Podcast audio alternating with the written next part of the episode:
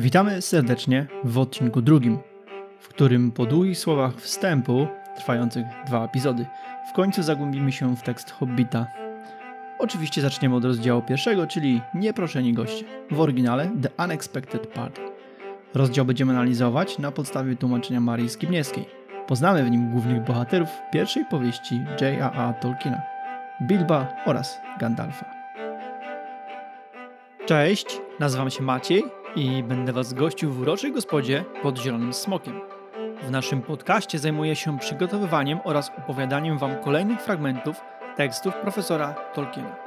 A ja jestem Kasia i moja rola polegać będzie na wsparciu językowym, zwłaszcza jeśli przyjdzie nam zmierzyć się z językiem angielskim oraz zajmuję się też techniczną stroną obsługi naszego podcastu oraz mediów społecznościowych. Nie będziecie mnie tu zbyt dużo słyszeli, ale będę zawsze na zapleczu. Gospoda pod Zielonym Smokiem to miejsce przyjazne wszystkim wędrowcom i wędrowczyniom. Tutaj będziecie mogli wspólnie z nami przewędrować przez niezwykle obszerną oraz ogromnie bogatą twórczość profesora J.R.R. Tolkiena.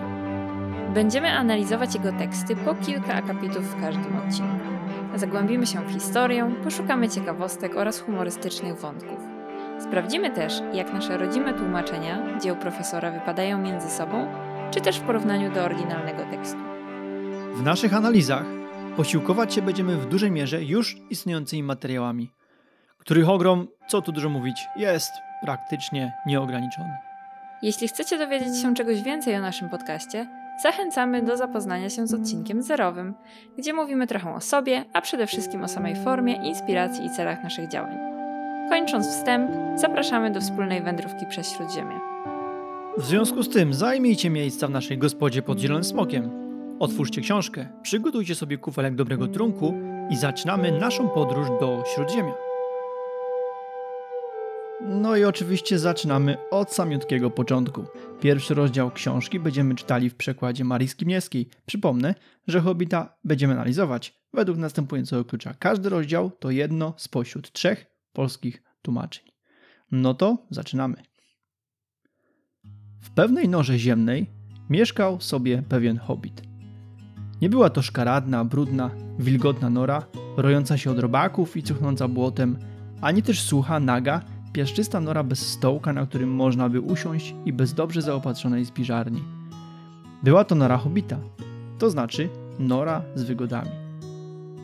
Miała drzwi doskonale okrągłe, jak okienko okrętowe, pomalowane na zielono z lśniącą, żółtą, mosiężną klamką, sterczącą dokładnie po środku. Drzwi prowadziły do holu, który miał kształt rury i wyglądał jak tunel. Był to bardzo wygodny tunel, niezadymiony, z boazerią na ścianach i chodnikiem na kafelkowej podłodze. Nie brakowało tu politurowanych krzeseł ani mnóstwa wieszaków na kapelusze i płaszcze, bo hobbit bardzo lubił gości. Tunel wił się w skrętach, wdrążając się głęboko, choć wcale nie prostą drogą, we wnętrze pagórka, a raczej pagórka z dużej litery. Bo tak go nazywano w promieniu wielu mil, a mnóstwo okrągłych drzwiczek otwierało się to po jednej, to po drugiej jego stronie. Hobbici nie uznają schodów. Sypialnie, łazienki, piwnice, spiżarnie, mnóstwo spiżarni, garderoby, hobbit miał kilka pokoi przeznaczonych wyłącznie na ubrania. Kuchnie, jadalnie, wszystko mieściło się na tym samym piętrze, a nawet wzdłuż tego samego korytarza. Najparadniejsze pokoje znajdowały się z lewej strony, patrząc od wejścia, ponieważ tylko te miały okna, Głęboko osadzone, okrągłe okna z widokiem na ogród, a dalej na łąki zbiegające w dół ku rzece. No i zaczęliśmy. Tak więc pierwsze historyczne, kluczowe zdanie, znamy je, bo omawialiśmy je w pierwszym odcinku. Opisaliśmy tam z Kasią wspólnie, jak powstało, jakie ma znaczenie dla całokształtu w zasadzie literatury XX wieku, bo nie da się ukryć, że wpływ Hobbita i na fantastykę i na rozwój fantastyki w ogóle Tolkiena jest niesamowity. Mamy opis hobbickiej norki, poznajemy przede wszystkim to, co od razu rzuca się w oczy, to jest wygoda, komfort, wysoki poziom mm, umeblowania i, i tak dalej. Autor to od razu sugeruje. Hol jest długi, kręty, jest boazeria, nie jest zadymiony. Ciekawe, że w ogóle o tym mowa. Wieszaki i politurowane krzesła. Co to jest politura? Jest to szlachetna powłoka do mebli, taki spirytusowy roztwór szelaku, który nadaje drewnu takiej lustrzanej gładkości. Pewnie kojarzycie takie meble, mieli nasi dziadkowie, babcie. Kiedyś to było bardzo po prostu przejaw luksusu. Co ciekawe, tunel nie był prosty, skręcał. No i oczywiście nie ma schodów. Hobbici jakby preferują mieszkanie na jednym zerowym poziomie. Wiele drzwiczek otwierających się na lewo, prawo, mnóstwo spiżarni i mnóstwo garderób. To jest niesamowite, że w ogóle hobbit mieszkający sam i nie wiadomo tak do końca z czego on się utrzymywał, a stać go było na spiżarnie, garderoby. No i jest powiedziane też wyraźnie, że najlepsze pokoje były z lewej strony, bo miały okna, czyli były skierowane właśnie ku mm, patrzące na łąki i, i ku rzece. Co ważne, tutaj mm, Skibnieska w odróżnieniu od polskiego używa słowa pagórek. Pagórek u Skibnieskiej, mm, w tłumaczeniu Marii Skibnieskiej, a w tłumaczeniu y, Andrzeja Polkowskiego mamy wzgórze.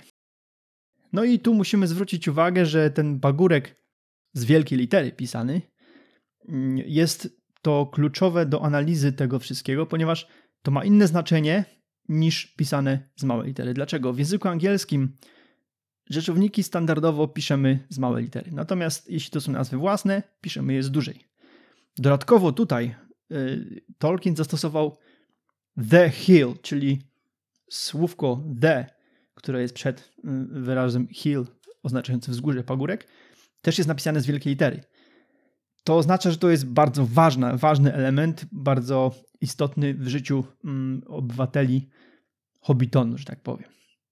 No i do tego Y, mamy tutaj The Hill, potem będzie The Water. To są miejsca, nazwy własne miejsc, które otaczają Bilba i jego świat.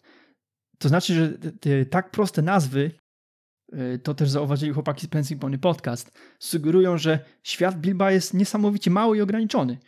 No, on nie musiał nadawać nazw wzgórzom i wodzie, czyli rzece, która przepływała y, u stóp pagórka, ponieważ to jest jedyne wzgórze i jedyna rzeczka, z jaką miał do tej pory do czynienia w swoim życiu. On całe życie spędził tam właśnie. Jeśli tylko się poruszał, to w najbliższej okolicy.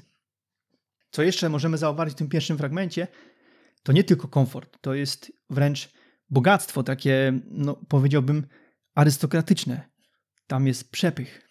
Dobra, słuchajcie, pominiemy kolejny fragmencik, żeby być fair wobec praw autorskich co w nim się dowiadujemy, że y, rzeczywiście Pagnicowie są bardzo bogaci, że mieszkali w Hobbitonie od niepamiętnych czasów i byli darzeni powszechnym szacunkiem. Za co? Za spokój i rozsądek. Czyli nie musiałeś być bogatym, nie musiałeś mieć władzy. Spokój i rozsądek. Super, po prostu chciałbym tam żyć. Co to oznaczało spokój i rozsądek? Czyli nie robienie niczego nieprzewidywalnego. Jak to tekst podaje, są napisane dokładnie – Wiadomo było, jaką odpowiedź poda Baggins, zanim zada się mu pytanie. Skoro już weszliśmy w temat nazwiska Baggins oraz imienia Bilbo, bo w tym właśnie momencie rozdziału, w tym właśnie fragmencie poznamy imię naszego głównego bohatera. Nazwisko Baggins według Thomas Shippeya w Drodze do Śródziemia, w książce Droga do Śródziemia, pochodzi najprawdopodobniej od słowa bagging przez 2G w środku, Y, słowo to oznacza nie mniej, nie więcej, tylko podjadanie, czyli tak zwane jedzenie spożywane między regularnymi posiłkami. No i pasuje to idealnie i do hobbitów, i do Bilba w tym momencie, tak jak go poznajemy. Znacznie trudniej wyjaśnić jest imię y, Bilba. Wszystkich zainteresowanych mm, zachęcam do lektury The History of the Hobbit autorstwa Johna Ratcliffe'a. I on jedną z opcji pochodzenia imienia mm, Bilbo przytacza hiszpańskie miasto Bilbao. A w zasadzie szable, które były wytwarzane w tym mieście, które nazywały się właśnie y, z angielskiego Bilbo Blades. W skrócie Bilbo mówili na, na, te, na te szable. Y, istnieje też wiele poszlak kierujących do podobnych imion w znanej i lubianej przez Tolkiena literaturze, która była współczesna jemu w tym momencie, kiedy pisał i tworzył Hobbita. Mówiliśmy w pierwszym odcinku właśnie o postaci Gorbo, który fonetycznie brzmi minimalnie podobnie z utworu The Marvelous Land of Snakes E.A. Wajka Smitha. Wiele innych rozważań na ten temat można też znaleźć właśnie w książce Ratlifa. Poświęcił temu zagadnieniu cały rozdział w zasadzie, więc jest naprawdę kilka ciekawostek. Natomiast co do faktów, Tolkien nie ma nigdzie w jego tekstach, w jego listach, w jego nie ma w żadnych notatkach ani słowa, ani jakiegoś tam dłuższego, sensownego wyjaśnienia, skąd pochodzi imię y, Bilbo i aż do śmierci Tolkien nigdzie nie, nie powiedział nic więcej, co by nas nakierowało chociaż trochę bliżej do y, rozwikłania tej zagadki. Wracamy do tekstu i dowiemy się trochę więcej o samych niziołkach. Ale tu od razu zrobię przerywnik. Pierwsze zdanie jest bardzo fajne w tym akapicie, bo to już jest pierwszy raz, kiedy to autor zwraca się do nas. Albo inaczej, ktoś autorowi przerwał. Zobaczcie, jak to zdanie jest skonstruowane. Matką naszego hobita, trzy kropki, ale co to jest hobbit? Znak zapytania. Moim zdaniem to powinno być odczytane w następujący sposób. Matką naszego hobita, ale co to jest hobbit? W tym przerywniku, w tym momencie przerwy, który zastosowałem, jestem niemal pewien, że któryś z synów Tolkiena zadał mu w momencie odczytywania tekstu, zadał mu pytanie, ale co to jest hobbit? Co to jest hobbit? No i Tolkien przerwał, ale co to jest hobbit? No i dalszy ciąg tekstu, jedziemy. Zdaje mi się, że wymaga to wyjaśnienia. W dzisiejszych czasach bowiem hobbitów bardzo rzadko można spotkać. Nie ma ich wiele, a poza tym unikają dużych ludzi, jak nazywają nas. Hobici są, czy może byli, małymi ludźmi, mniejszymi od krasnoludów, różnią się też od, in, od nich tym, że nie noszą brody, lecz znacznie większymi od liliputów. Nie uprawiają wcale, albo prawie wcale czarów. Z wyjątkiem chyba zwykłej, powszedniej sztuki, która pozwala im znikać bezszelestnie i błyskawicznie, kiedy duzi, niemądrzy ludzie tacy jak ja i ty zabłądzą w ich pobliże, hałasując niczym słonie, tak, że na mile można ich usłyszeć.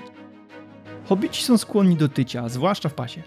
Miewają wypięte brzuchy, ubierają się kolorowo, najchętniej zielono i żółto.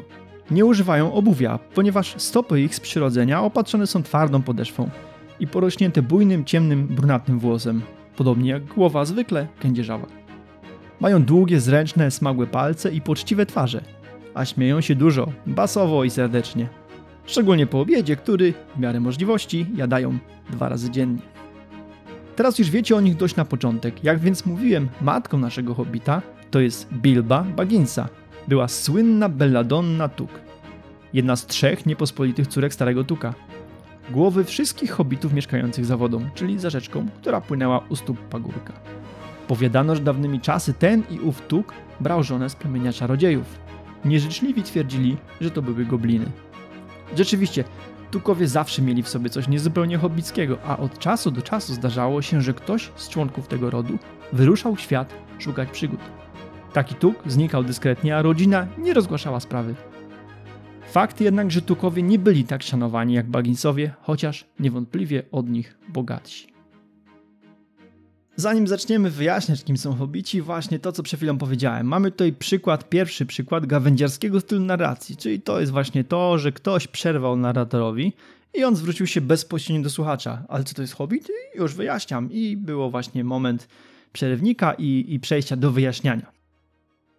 Poznajemy, jakie jest y, umiejscowienie historyczno-znaczeniowe hobbitów, pokrewieństwo z dużymi ludźmi – Porównanie do Liliputów, które mieliśmy w tekście, zostało usunięte w wydaniu z 1966 roku. W momencie, kiedy Tolkien pisał y, Hobbita w, tysiąc, w latach 30., przygody y, Gullivera i spotkanie jego z Liliputami było świeżą książką i była możliwość, szansa, być może nadzieja, że ta historia będzie kontynuowana albo będą kontynuowali ją inni, czyli Lilipuci będą dalej bohaterami innych powieści E, innych autorów. Jednak tak się nie stało i w zasadzie oni poza, yy, poza tą jedną czy dwoma książkami, które, w których się ukazali, nie było ich więcej. Nie pojawili się nigdzie więcej. W związku z w 1966 roku, w związku z tym Tolkien usunął ich jako jakby także Liliputów więcej nie było. No i dowiadujemy się, że hobici nie stosują magii poza umiejętnością znikania z pola widzenia, czyli takiej szybkiej, gdzieś tam cichej, bardzo Y, umiejętności poruszania się i wejścia w miejsce, gdzie nikt ich nie zobaczy. Szczególnie w porównaniu do nas, dużych ludzi, gdzie nas nazywają w ogóle, że jesteśmy głupi, więc e, ciekawie. Mają tendencję do tycia w pasie. To jest w ogóle z poprzednim jakby wątkiem się średnio łączy, no bo jak ktoś jest tak zwinny i sprytny, że potrafi zniknąć po, w, z pola widzenia za, e, za mrugnięciem oka, no to do tego nie pasuje trochę, że jest jakby otyły. No, mam takie wrażenie, że to się trochę kłóci, ale to jest oczywiście fantastyka, więc może tak być. Kolorowe ubrania, żółte, zielone, kolory takie naturalne, to jest fajne. Nie mają brud i nie noszą obuwia. Mają twarde, zrogowaciałe i porośnięte stopy. Do tego mają zręczne palce, dużo się śmieją. No i nawiązanie do tego jedzonego dwa razy dziennie obiadu, jeżeli oczywiście, yy, bo zaspali albo przespali, nie wiem, cokolwiek innego mogło się zdarzyć w ich trudnym i skomplikowanym życiu. Na temat Beladonny Tuk, matki naszego głównego bohatera, pomoże nam chwilę Kasia. Belladonna Tuk w niektórych wydaniach angielskich nazywana jest słynną, a w innych znakomitą. Po polsku nie brzmi to ani trochę podobnie, ale przyjrzyjmy się tym wyrazom po angielsku. Famous, czyli słynna, znana i rozpoznawana przez wiele osób, i fabulous, czyli wspaniała czy też bajeczna. W pierwszym wydaniu Hobbita było użyte famous, a w kolejnych z kolei znowu różnie i nigdy nie zostało wyjaśnione, czemu tak właściwie się stało. Ja skłaniam się ku wersji, że w związku z tym musiała być i słynna, i znakomita. Wiemy też, że była jedną z trzech córek starego Tuka. Y, Tolkien w takich momentach zostawia taką przestrzeń niedopowiedzianą. Rzuca hasło, były trzy córki, była słynna, czy tam przebojowa Belladonna, ale ani nie wiemy, co te trzy córki pozostałe robiły, ani nie wiemy, za, z czego była y, słynna, co zrobiła takiego, że była przebojowa. Nie wiemy tego. To jest rzucone hasło i możemy tylko się domyślać albo próbować sobie tworzyć w głowie różne dowolne wątki. Ciekawy tutaj jest jeszcze, jeśli chodzi o samo tłumaczenie słowa tuk. W oryginale jest zapisane Belladonna tuk przez T-O-O-K, podwójne O. Maria Skibniewska i Paulina Brajten-Ziemkiewicz tłumaczyły tuk przez T-U-K, spolszczone maksymalnie słowo, natomiast Andrzej Polkowski zostawił wersję oryginalną tuk. Dobrze, i dowiadujemy się też, że tukowie mieszkali za wodą. To oznacza, że mieszkali nie w zasięgu wzroku Bilba, bo Bilbo widział w zasadzie tylko do strumyka płynącego właśnie u stóp Hobbitonu, który nazywał wodą. I jak można się dowiedzieć z innych źródeł, m.in. z Atlasu Śródziemia Karen von Stadt, dzieliło ich Tukon, czyli siedzibę Tuków od Hobbitonu, dzieliło jakieś 10 mil, czyli około 16 km. W linii prostej oczywiście. W Atlasie Śródziemia także mm, ta autorka Karen von Stadt podaje, że z Hobbitonu do wody jest około półtora do 2 mil, czyli między 2,4 a 3,6 km. I zobaczcie, dla Bilba to jest jakby inny świat. On, on y, tych tuków w ogóle kojarzy jako ludzi mieszkających na innej planecie. To są gdzieś, gdzieś tam, gdzieś tam, gdzieś tam. No i y, tukowie byli uznawani za dziwnych, to też fajne. Y, mimo, że byli bogatsi, ale mniej szanowani. A dlatego, dlaczego byli dziwni? Bo raz na jakiś czas któryś znikał, uczestniczył w przygodzie, co było w ogóle niepojęte dla hobbitów, jak można uczestniczyć w przygodzie, a oni tam robili, mm, oni to robili regularnie, ci tukowie. Do tego jeszcze ten śmieszny wątek, kiedy autor mówi, że podejrzewa, że mogli mieć jakąś domieszkę krwi. Y, tutaj Maria Skimieska przetłumaczyła czarodziejów, ale w oryginale było to y, fairies, czyli, czyli e, elfickiej, elfickiej krwi. Dobra, i później mamy pominięty fragment, krótki fragmencik omijamy, gdzie dowiadujemy się, kim był ojciec Bilba, Bungo. Zbudował on Bagent, czyli mm, siedzibę właśnie, w której obecnie mieszka nasz główny bohater. I dodane jest częściowo za pieniędzy z posagu dla Belladonny, czyli spoko, bo w ogóle za darmo. Nora była wspaniała, mieszkali w niej do końca, do, do, aż do swojej śmierci i Bilbo był jedynakiem, więc do, do momentów, kiedy zaczynamy naszą historię, Bilbo wydawał się statecznym, spokojnym hobbitem. Autor tutaj mówi, że był wręcz kopią swojego ojca. Natomiast autor wspomina już tutaj, że ten tukowski pierwiastek w krwi głównego bohatera tkwił, uśpiony, jakby czekał tylko na odpowiednią chwilę. Bilbo w momencie wydarzeń, które mamy tutaj opowiedziane, kończył w tym momencie 51 lat. Mm, dowiemy się później na podstawie informacji z Władcy Pierścieni, że Bilbo urodził się 22 września 2890 roku trzeciej ery. A aktualnie w tym momencie, kiedy jesteśmy teraz tu i teraz w książce, to jest 26 kwietnia 2941 roku. Mieszkał w Norze po rodzicach, prowadził stabilne życie i wtedy właśnie nadarzyła się okazja dla tukowego pierwiastka. I wracamy do tekstu. Dziwnym trafem pewnego ranka, dawno, dawno temu, czas dla świata spokojny, gdy mniej na nim było zgiełka, więcej zieleni, gdy hobici żyli liczni i szczęśliwi, a Bilbo Baggins zjadłszy śniadanie, stał pod swoimi drzwiami i ćmił olbrzymią, długą, drewnianą fajkę, sięgającą prawie do kosmatych palców nóg, porządnie wyszotkowanych. Przechodził tamtędy Gandalf. Gandalf, gdybyście o nim słyszeli podać ćwierć tego, co ja, a ja słyszałem ledwie małą cząstkę tego, co o nim mówią. Już byście wiedzieli, że czeka nas na pewno niezwykła historia.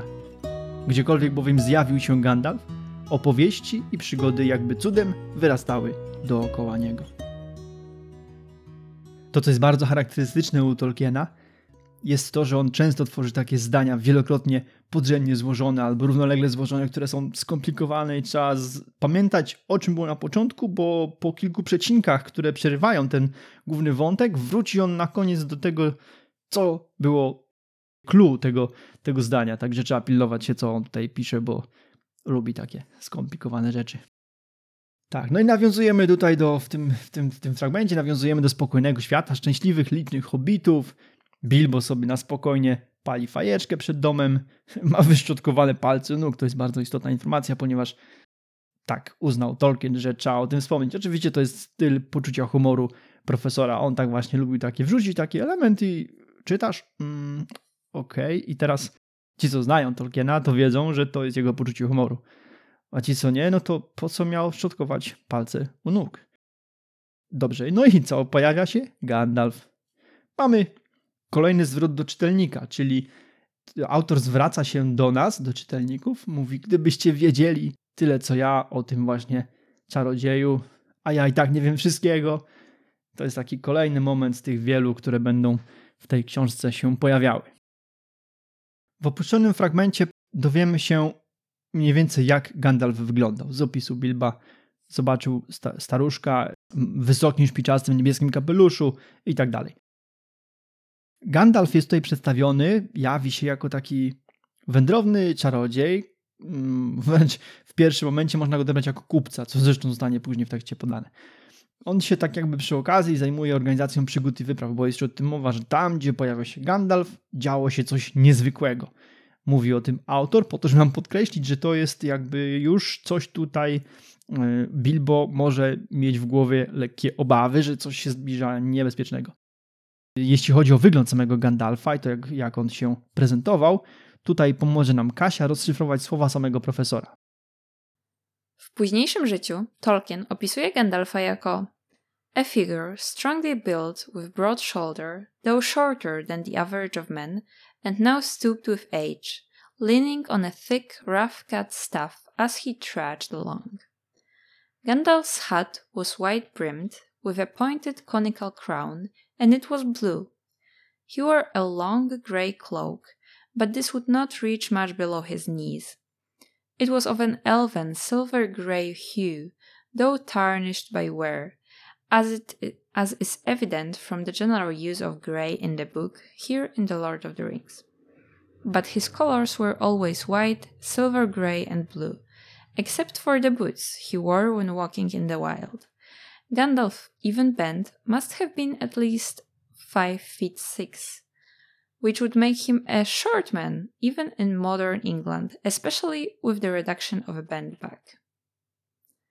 Tekst pochodzi z eseju napisanego w roku 1970 jako odpowiedź na wizualizację drużyny pierścienia w wykonaniu Pauliny Baines, którą Tolkien był zachwycony poza jednym szczegółem, mianowicie Gandalfem.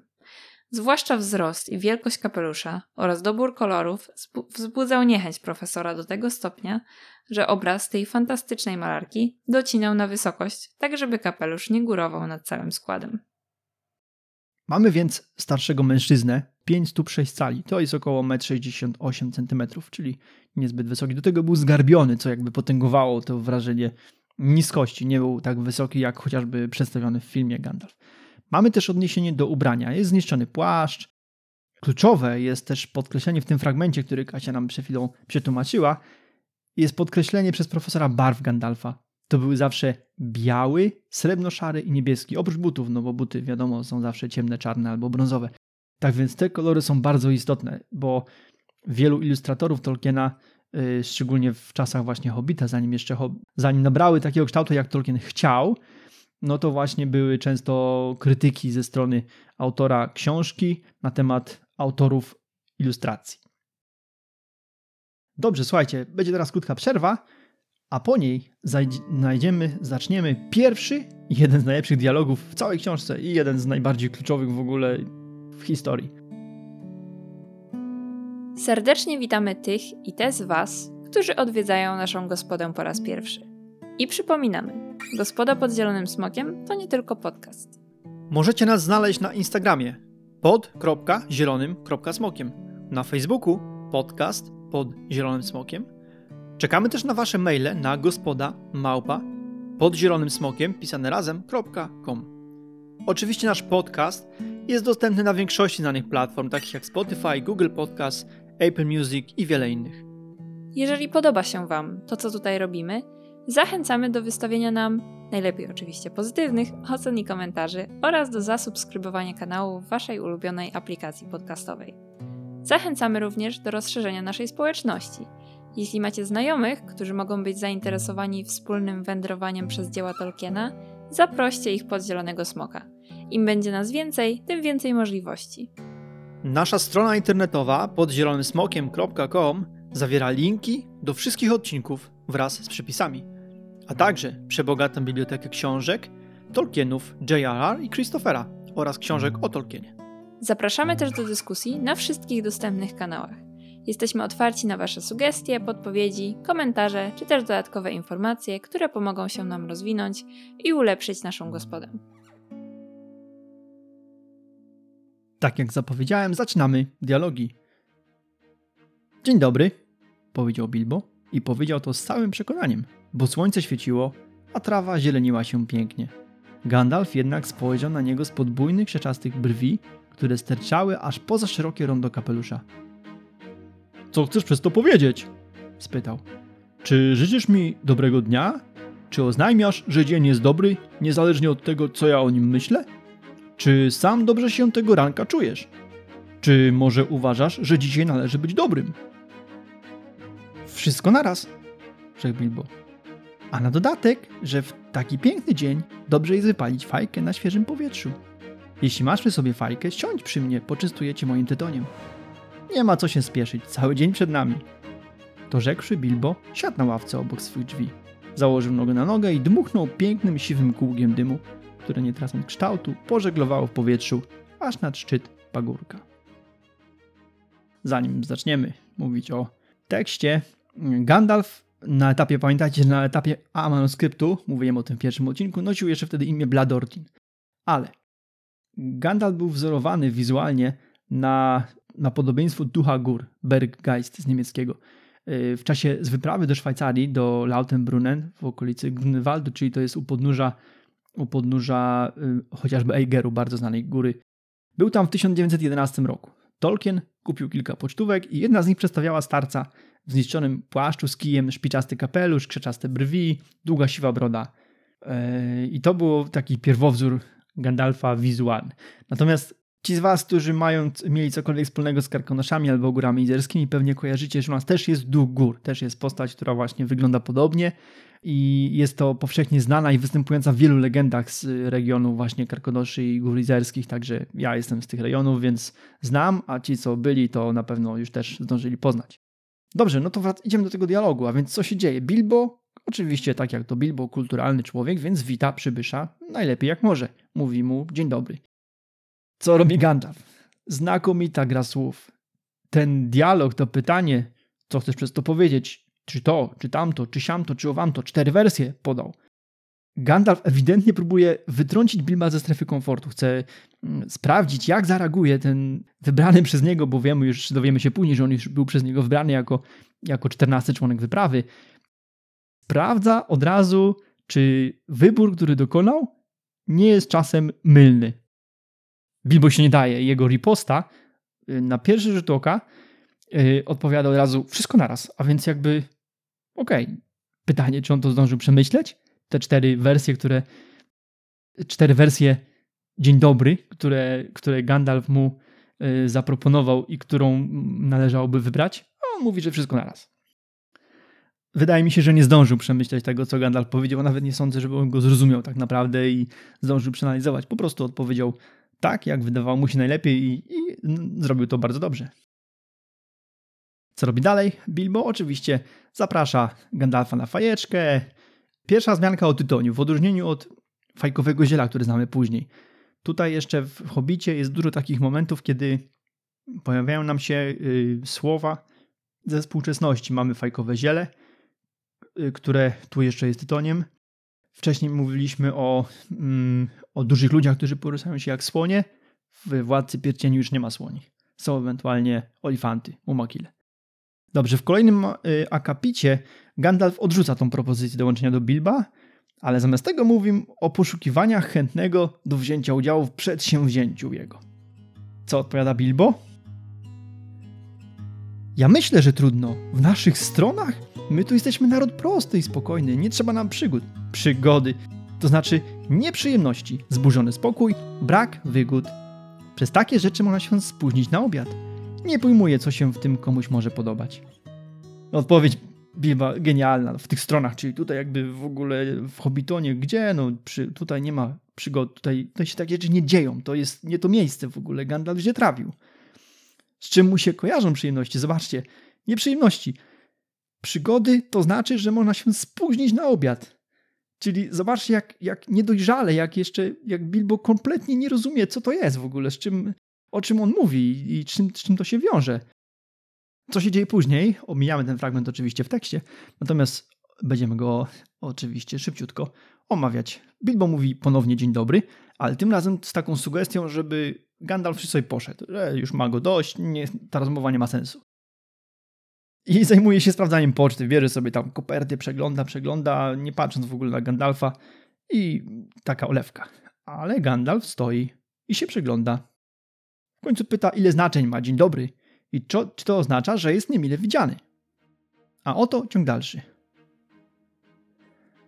Ale co znowu, co znowu, drogi panie? Proszę cię, wybacz, bo coś mi się zdaje, że nie znam twojego nazwiska. Tak, tak, mój drogi, a ja znam twoje nazwisko, panie Bilbo Baggins. Ty także znasz moje, chociaż zapomniałeś, jak wygląda ten, kto je nosi. Jestem Gandalf. Gandalf to ja. Nie do wiary, że doczekałem, by mnie syn Belladonny Tuk częstował swoim dzień dobry, jak wędrownego kramarza, co handluje guzikami. Gandalf, Gandalf, wielkie nieba! Czyżby ten sam wędrowny czarodziej, który staremu Tukowi podarował magiczne, brylantowe spinki, co to same się zapinały i odpinały tylko na rozkaz? Ten, co podczas przyjęć opowiadał takie cudowne historie o smokach, goblinach, wielkoludach? O ratowaniu księżniczek i o niespodziewanym szczęściu wdowich synów? Ten Gandalf może, który puszczał takie nadzwyczajne, wspaniałe ognie sztuczne? Pamiętam je, stary Tuk bawił nas z nimi w noc smutkową. Cudowne. Strzelały w górę jak olbrzymie ogniste lilie, lwie pyszczki i złoty deszcz i wisiały w pomroku na niebie przez cały wieczór. Zauważyliście już z pewnością, że pan Baggins nie był wcale tak prozaicznym hobbitem, za jakiego chciało chodzić i że bardzo lubił kwiaty. A niechże cię, ciągnął dalej. Czyżby ten sam Gandalf, z którego na mowy wiele spokojnych chłopców i dziewcząt ruszyło w świat po szaleńcze przygody, zaczynając od łażenia po drzewach, a kończąc na podróżowaniu na gapę statkami pływającymi między tym a drugim brzegiem? Słowo daje. Życie było wtedy wcale zabaw. To znaczy, chciałem powiedzieć, że w swoim czasie narobiłeś niemało zamieszania w tej okolicy. Przepraszam cię, nie miałem pojęcia, że wciąż jeszcze zajmujesz się tymi rzeczami. No i mamy tutaj fajne, fajne, fajne już momenty. Tu już się dzieje e, w tym dialogu naprawdę świetne rzeczy. Bilbo oczywiście na początku tłumaczy się ze swojego nietaktownego zachowania.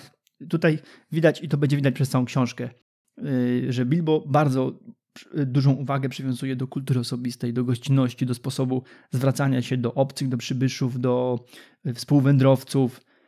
Gandalf mu przypomina, że się już znają, chociaż Hobbit, Hobbit go nie kojarzy. No i jest potem e, słynne Jestem Gandalf. Gandalf to ja. Tolkien podkreśla w tym momencie, jak, jak istotną osobistością jest Gandalf. To samo robi na końcu wypowiedzi czarodzieja, kiedy uznaje, że Gandalf czuje się potraktowany jak wędrowny sprzedawca guzików, co w ogóle jest świetne. Myślę, że nie wiem, czy kiedykolwiek zapukał do was ktoś do drzwi albo zadzwonił i dzień dobry, mam guziki, kupujecie? Tutaj mam takie zielone, niebieskie, czerwone, małe, duże. No i co się dzieje? Zobaczcie, jak się zmienia Bilbo. Reaguje żywiołowo. Reaguje z emocjami. Emocjonuje się tym, co, co kojarzy mu się z Gandalfem. Opowiada o tym z takim naprawdę y, za, zaangażowaniem. Co się tu wydarza? To jest właśnie ten pierwszy moment, pierwszy, który my zauważamy, że u Bilba następuje zmiana charakteru, zmiana wiodącej cechy. W tym momencie to Tuk rządzi Bilbem, to Tuk przejął władzę. To jest pierwszy taki moment. I na co jeszcze zwróćcie uwagę, w większości przypadków, które będziemy obserwować, Bilbo, y, ten tukowski gen, włącza się na podstawie albo w wyniku działań kogoś innego. Natomiast Baggins, czyli ten ojcowski gen Bilba, ten spokojniejszy, ustatkowany, on się przełącza sam po tym, jak Bilbo sam się uspokaja, albo sam mm, zauważa coś, albo robi coś, albo coś się wydarza takiego, co powoduje, że Bilbo z powrotem wraca do Bagginsa. Tak też jest w tym przypadku. Bilbo żywiołowo opowiada te wszystkie historie związane z Gandalfem, o, o wdowach, o księżniczkach, o smokach, o przygodach itd., itd., itd. Autor w samym środku tej wypowiedzi, tej takiej właśnie pełnej energii wypowiedzi Bilba, przerywa, żeby zwrócić się do nas, do czytelników, skierować naszą uwagę na właśnie tą zmienność charakterów Bilba. Mówi, zauważyliście już z pewnością, że pan Bagnis nie był wcale tak prozaicznym hobbitem, za jakiego chciał uchodzić. To, jest, to są słowa autora w połowie tej wypowiedzi Bilba. I nagle, nagle Bilbo studzi zapał. Zwalnia, zaczyna ważyć słowa. No i kończy tym świetnym zdaniem, które świetnie brzmi po angielsku, moim zdaniem. I beg your pardon, but I had no idea you were still in business. Czyli tak jakby, że dalej jesteś w, tym, w, tej, w tej branży, w tym biznesie, robisz dalej te same rzeczy. Fajne, fajne. Tak, no i później Gandalf odpowiada oczywiście, a co miałbym robić innego, czyli zwraca się do Bilba e, w ten sposób, natomiast cieszy się, że Bilbo coś jednak pamięta z tej, z tej, jego, z tej ich dawnej znajomości. No i yy, się na przyjaźń ze starym Tukiem, Belladonną, daje, daje Hobbitowi to, o co sam prosił w dialogu wcześniejszym. A czy Bilbo wie, o co prosił? Zaraz zobaczymy. Wybacz proszę, o nic nie prosiłem. Owszem, owszem, nawet dwukrotnie. Prosiłeś o wybaczenie, udzielam ci go. Nawet zrobię więcej. Wyślę cię na tę wyprawę, żebyś użył przygody. Będzie to bardzo zabawne dla mnie, a dla ciebie bardzo zdrowe, a w dodatku prawdopodobnie korzystne. Oczywiście, jeśli w ogóle wyjdziesz z tego cało. Przepraszam, nie życzę sobie przygód. Dziękuję ślicznie, nie dziś, do widzenia, ale proszę cię, zajdź do mnie na herbatkę, kiedy ci dogadza. Czemuż by nie jutro na przykład? Przyjdź jutro. Do widzenia. To rzekszy hobbit zrobił w tył zwrot, skoczył do wnętrza nory przez okrągłe zielone drzwiczki, które zatrzasnął za sobą pospiesznie, nie tak jednak pośpiesznie, by Gandalf mógł się poczuć dotknięty. Bądź co bądź, czarodziej to czarodziej. Po kiego licha zaprosiłem go na herbatę, rzekł do siebie Bilbo, kierując się w stronę spiżarni. Dopiero co zjadł śniadanie, przyszło mu jednak do głowy, że kawałek lub dwa kawałki ciasta, popite jakimś trunkiem, dobrze mu zrobią po przeżytym strachu.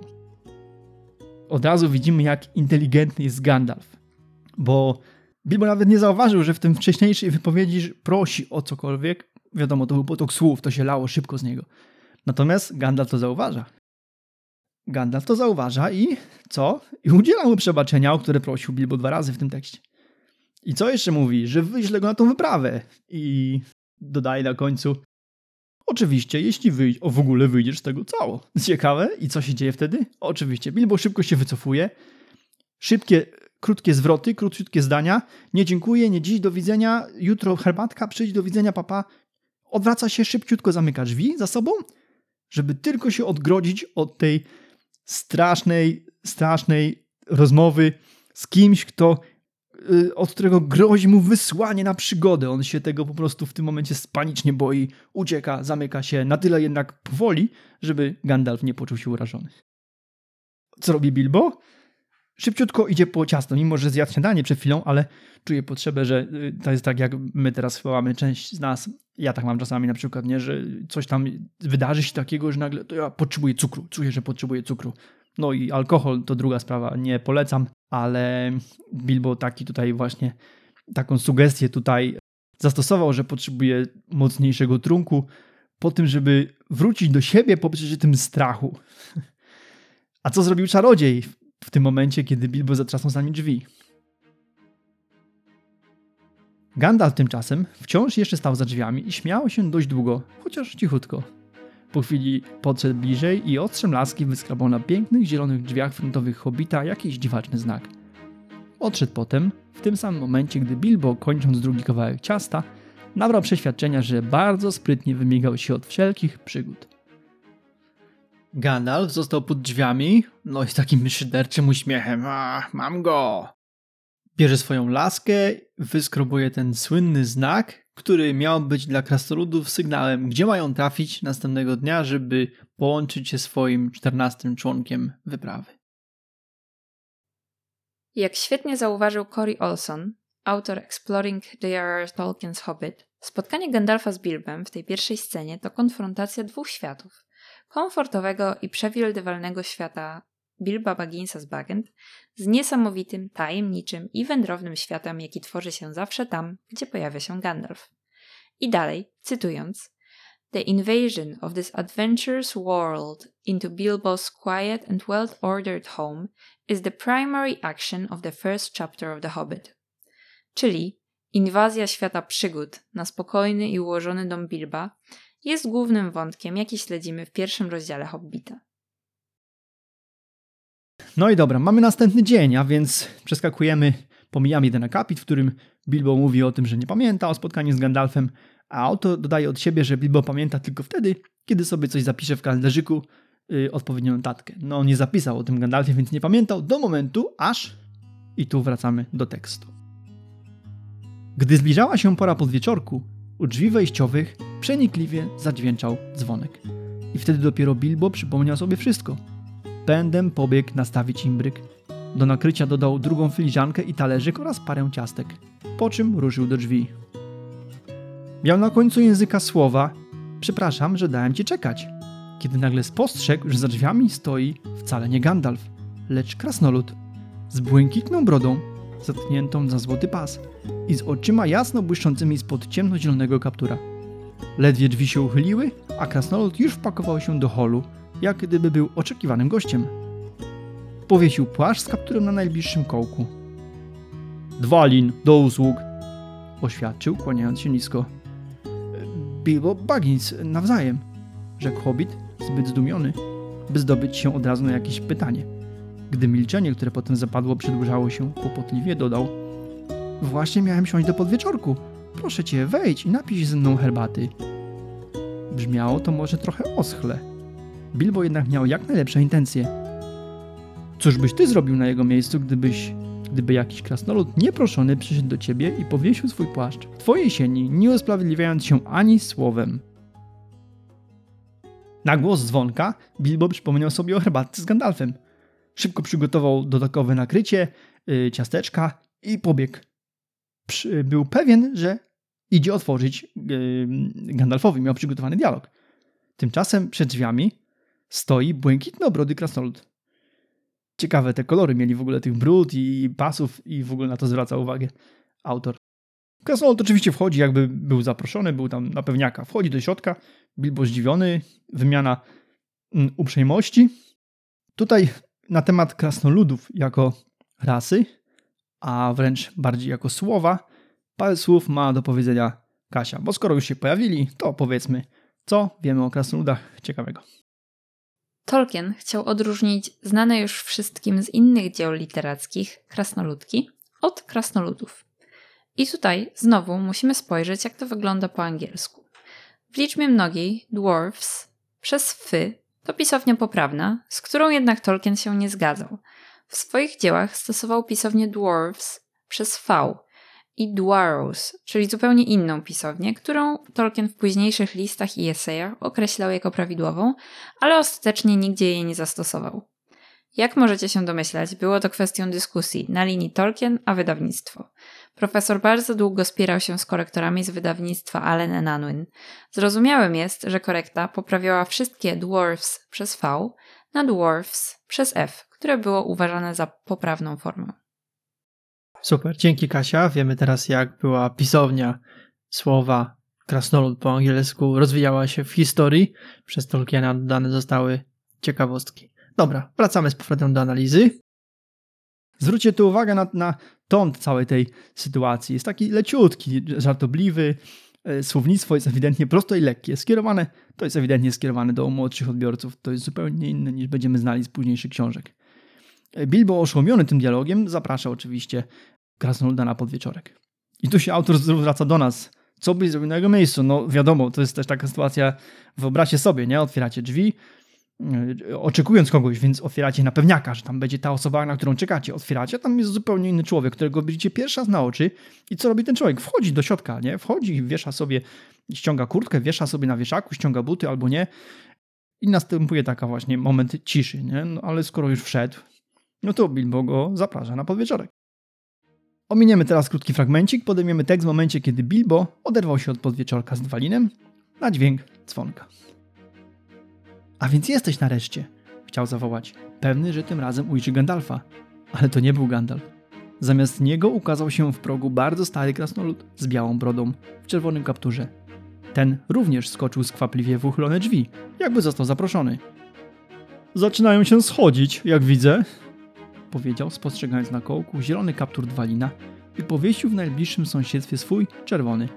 Balin, do usług, rzekł, kładąc rękę na piersi. "E, Dziękuję, rzekł Bilbo, któremu zdumienie dech zaparło. Nie była to wcale stosowna odpowiedź, lecz słowa zaczynają się schodzić, zrobiły na nim wstrząsające wrażenie. Lubił gości, lubił jednak znać osoby przychodzące do jego domu i wolał też zapraszać je z własnej chęci. Mignęła mu okropna myśl, że ciasta może nie starczyć dla wszystkich, a wówczas on, jako gospodarz, znał bowiem obowiązki gościnności i gotów był ich przestrzegać, nawet gdyby okazały się bardzo bolesne. Będzie musiał obejść się smakiem. No i co? Mamy kolejny dzwonek do drzwi. Bilbo znowu jest pewny, że tym razem ujrzy tam Gandalfa. Ma przygotowane znowu powitanie. Tymczasem w drzwiach ukazuje mu się kolejny krasnolud, bardzo stary, białą brodą, czerwonym kapturem na słowa zaczynają się schodzić. Y, to jest wypowiedź, która tak go trochę zbiła z tropu naszego bohatera. Nie był w stanie nawet odpowiedzieć stosownie, tylko, tylko coś tam odparsnął, ale nie było to to, co trzeba. I, y, I tak jak już mówiłem wcześniej, w świecie Hobbita, w tej książce jest bardzo wiele sytuacji, kiedy autor zwraca nam uwagę na to, jak powinno się odpowiedzieć, jakby jaka jest prawidłowa odpowiedź na jakieś powitanie, pożegnanie, czy jakieś słowa padające z ust innych postaci, które spotkają nasi, nasi bohaterowie. Co pomyślał Bilbo w tej sytuacji? Pierwsze co, pomyślał, że no może mu zabraknąć ciasta, a wie, że jak zabraknie ciasta, to nie może yy, nie dać gościom, tylko musi sobie odmówić. Czyli dalej jest w tym swoim świecie, w którym tak ważne rzeczy jak, jak podział ciasta są ważniejsze od tego, co w ogóle się dzieje. Tam weszło do niego dwóch obcych ludzi do jego, do jego domu. Krasnoludy wchodzą jak do siebie. Oni mają na drzwiach znak, który, który zostawił tam Gandalf. Pamiętajcie, że tle tej historii, którą poznaliśmy w dzisiejszym odcinku, jest to, że Bilbo został wybrany przez Gandalfa do uczestnictwa w przygodzie. Gandalf spotkał się z krasnoludami wcześniej i powiedział, że zaznaczy na drzwiach mm, znakiem specjalnym, do kogo mają się udać. I krasnoludowie nie wiedząc, że Bilbo jest kompletnie nieświadomy tej całej sytuacji. Bilbo nie był świadomy, Bilbo nawet nie wiedział, co tu się dzieje. Dopiero poprzedniego poranka, kiedy spotkał się z Gandalfem i miał ten, ten właśnie dialog, o którym mówiliśmy wcześniej, y, jakby w ogóle to jest jego pierwszy kontakt z Gandalfem. Ale Gandalf go nie, nie uświadomił go, że to jest wyprawa, w której biorą udział krasnoludowie i tak dalej, że oni przyjdą do niego następnego dnia. Nic o tym nie powiedział, także Bilbo jest nieświadomy a krasnoludowie wchodzą na pewniaka. Są drzwi, jest znak, z którym umówili z Gandalfem, więc oni przychodzą, są pewni, że ten, krasno, ten hobbit, który tam mieszka, on wie, on po prostu jest częścią ich wyprawy i on wie, on ich otworzy, przyjmie, ugości, przyjdą następni i tak dalej, i tak dalej. Bilbo o tym nie wie. Bilbo nie ma zielonego pojęcia. Dla niego to, co się dzieje, jest szokiem, chaosem i, i to wszystko mu śmierdzi przygodą. Wiemy też, y, co, co ważne, Palin mówi tutaj książka, autor mówi o tym, że jest y, starym krasnoludem. Tak, jest starym. On jest najstarszym uczestnikiem tej całej wyprawy, którą podejmą nasi bohaterowie. Był synem Fundina. Y, jest też bratem Dwalina, który wszedł chwilę wcześniej do, do domu Bilba. I to był krasnolud, który był niezwykle szanowany i całe swoje życie towarzyszył królom spod góry i jego następcom, także był bardzo wysoko i zawsze był tam pełnił rolę doradczą y, u poprzedników aktualnego króla spod góry, który jest tylko królem spod góry na wygnaniu, ale dowiemy się o tym dopiero chyba w następnym odcinku. Dobra, opuszczamy teraz krótką rozmowę między Bil y, Balinem a Bilbem. Wymienili oni wzajemne opcje kulinarne. Bilbo w ogóle zaskoczony własną odpowiedzią leci do spiżarni zrealizować zamówienie. I wracamy do tekstu. Kiedy wrócił, zastał Balina i Dwalina gawędzących przy stole jak dwaj starzy przyjaciele. Rzeczywiście byli rodzonymi braćmi. Bilbo zdążył postawić przed nimi piwo i ciasto, gdy znów dzwonek zadźwięczał donośnie raz i drugi. Teraz to już z pewnością Gandalf, pomyślał Bilbo i sapiąc pomknął przez tunel. Ale to nie był Gandalf, tylko dwóch krasnoludów. Obaj mieli niebieskie kaptury, srebrne pasy i żółte brody, a każdy dźwigał worek z narzędziami i łopatę. Skoczyli w drzwi natychmiast, gdy je Bilbo otworzył. On wszakże już się temu wcale nie dziwił. Czym mogę służyć? Kili, do usług, powiedział pierwszy krasnolud. I Fili, dodał drugi, po czym obaj ściągnęli niebieskie kaptury i ukłonili się grzecznie. Nawzajem sługa wasz i waszych rodzin, odparł Bilbo, tym razem już nie zapominając o dobrym wychowaniu. Dwalin i Balin już to są, jak widzę, powiedział Kili. Dołączymy się więc do gromady. Gromada, pomyślał pan Baggins. Nie podoba mi się to wyrażenie. Doprawdy, muszę przysiąść choć na minutę, zebrać myśli i napić się czegoś. Ledwie pociągnął jeden łyk, przycupnąwszy w kącie, podczas gdy cztery krasnoludów rozsiadło się za stołem, gadając o kopalniach i o złocie, i o kłopotach z goblinami, i o spustoszeniach dokonanych przez smoki, i o tysiącu innych rzeczy, których Bilbo nie rozumiał i nie chciał rozumieć, ponieważ brzmiały zbyt awanturniczo. Gdy ding dong ling dang zaśpiewał dzwonek, jak gdyby jakiś mały, niegrzeczny hobitek próbował urwać sznur. Tak, a więc Dwalin Balin, którzy okazują się braćmi, sobie rozmawiają, wtedy kolejny dzwonek. I znowu już Bilbo się nie dziwi, ale są kolejni krasnoludowie. Nie Gandalf. Yy, są to Kili Fili, też są braćmi. Mają identyczne niebieskie kaptury, srebrne pasy i żółte brody. Jako pierwsi i jedyni przynoszą narzędzia, w tym łopaty. Jak zauważyli Sean Marquez i Alan Sistos z y, Prancing Money Podcast, pytanie jest, czy oni jedyni pomyśleli o narzędziach?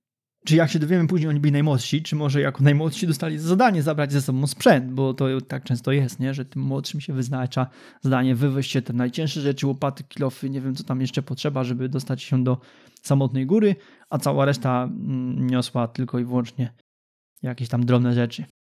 Tutaj kluczowe jest słowo, które, którego użyli nasi tłumacze. Yy, Kili mówi o gromadzie. U Skibniewskim mamy gromadzie, gromada.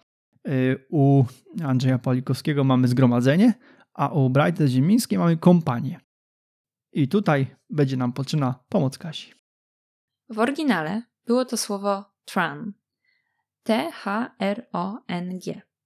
To rzadkie słowo używane w języku pisanym. Znaczenie to tłum lub duża grupa ludzi, ale to pokazuje, dlaczego każdy z polskich przekładów potraktował je inaczej. No i na to słowo gromada, zgromadzenie, czy kompania, czy jakiekolwiek by nie było użyte, to słowo wywołuje u Bilba reakcję takie, było taki skołowaciały, po prostu przeraża go to słowo. Siada w kącie, słyszy jak krasnoludy gadają o tych wszystkich rzeczach, o tych kopalniach, o złocie, smokach. Jednocześnie próbuje zebrać myśli i stara się nie słuchać tego, co oni mówią, stara się od tego wyłączyć, on tego, on tego nie chce zaakceptować, że to się dzieje u niego w domu, że tam przyszli krasnoludowie, których nie zna, czterech już ma tam w środku. Oni rozmawiają o jakichś rzeczach, które według niego brzmią zbyt awanturniczo. On tego nie chce. Bilbo chce zniknąć stamtąd. On chce być niewidzialny. No i co się w tym momencie dzieje? Następuje kolejny, tym razem poczwórny dzwonek do drzwi. I tutaj Tolkien często używa e, ze świetnym skutkiem wyrażeń dźwięku naśladowczych, czyli onomatopei. Czyli to właśnie ding, dong, ling, dang. No i przeskoczymy szybko krótką wymianę zdań na temat ilości dzwoniących postaci między Bilbem a Filim, a następny ciąg dalszy i drugą część tego rozdziału przeczytamy w następnym odcinku, bo to by było na tyle, jeśli chodzi o dzisiejszy odcinek. Dziękujemy Wam bardzo za czas spędzony pod Zielonym Smokiem pamiętajcie, czekam na Wasze maile i pytania w mediach społecznościowych. Postaramy się najciekawsze zagadnienia czy komentarze poddać publicznej analizie na łamach tegoż podcastu. Nie zapomnijcie też kliknąć subskrypcji w Waszej ulubionej aplikacji. Przypisy do wykorzystanych w tym epizodzie cytatów oraz innych materiałów znajdziecie w bibliografii odcinka na naszej stronie internetowej. Tam mamy też pełną, bardzo bogatą bibliotekę książek i innych mediów, z których korzystamy tworząc podcast. A w oczekiwaniu na kolejny odcinek zapraszamy do przeczytania fragmentu tekstu. Bądźcie gotowi. Za dwa tygodnie Spotykamy się na drugiej części rozdziału Niespodziewane przyjęcie, gdzie nasz bohater pozna kolejnych krasnoludów, a przede wszystkim pozna moc ich pieśni. do usłyszenia w podcaście pod Zielonym Smokiem za dwa tygodnie. Dziękujemy, że jesteście z nami i jak mówił Gandalf, niech wiatr niesie wasze skrzydła tam, gdzie słońce żegluje i gdzie przechadza się księżyc.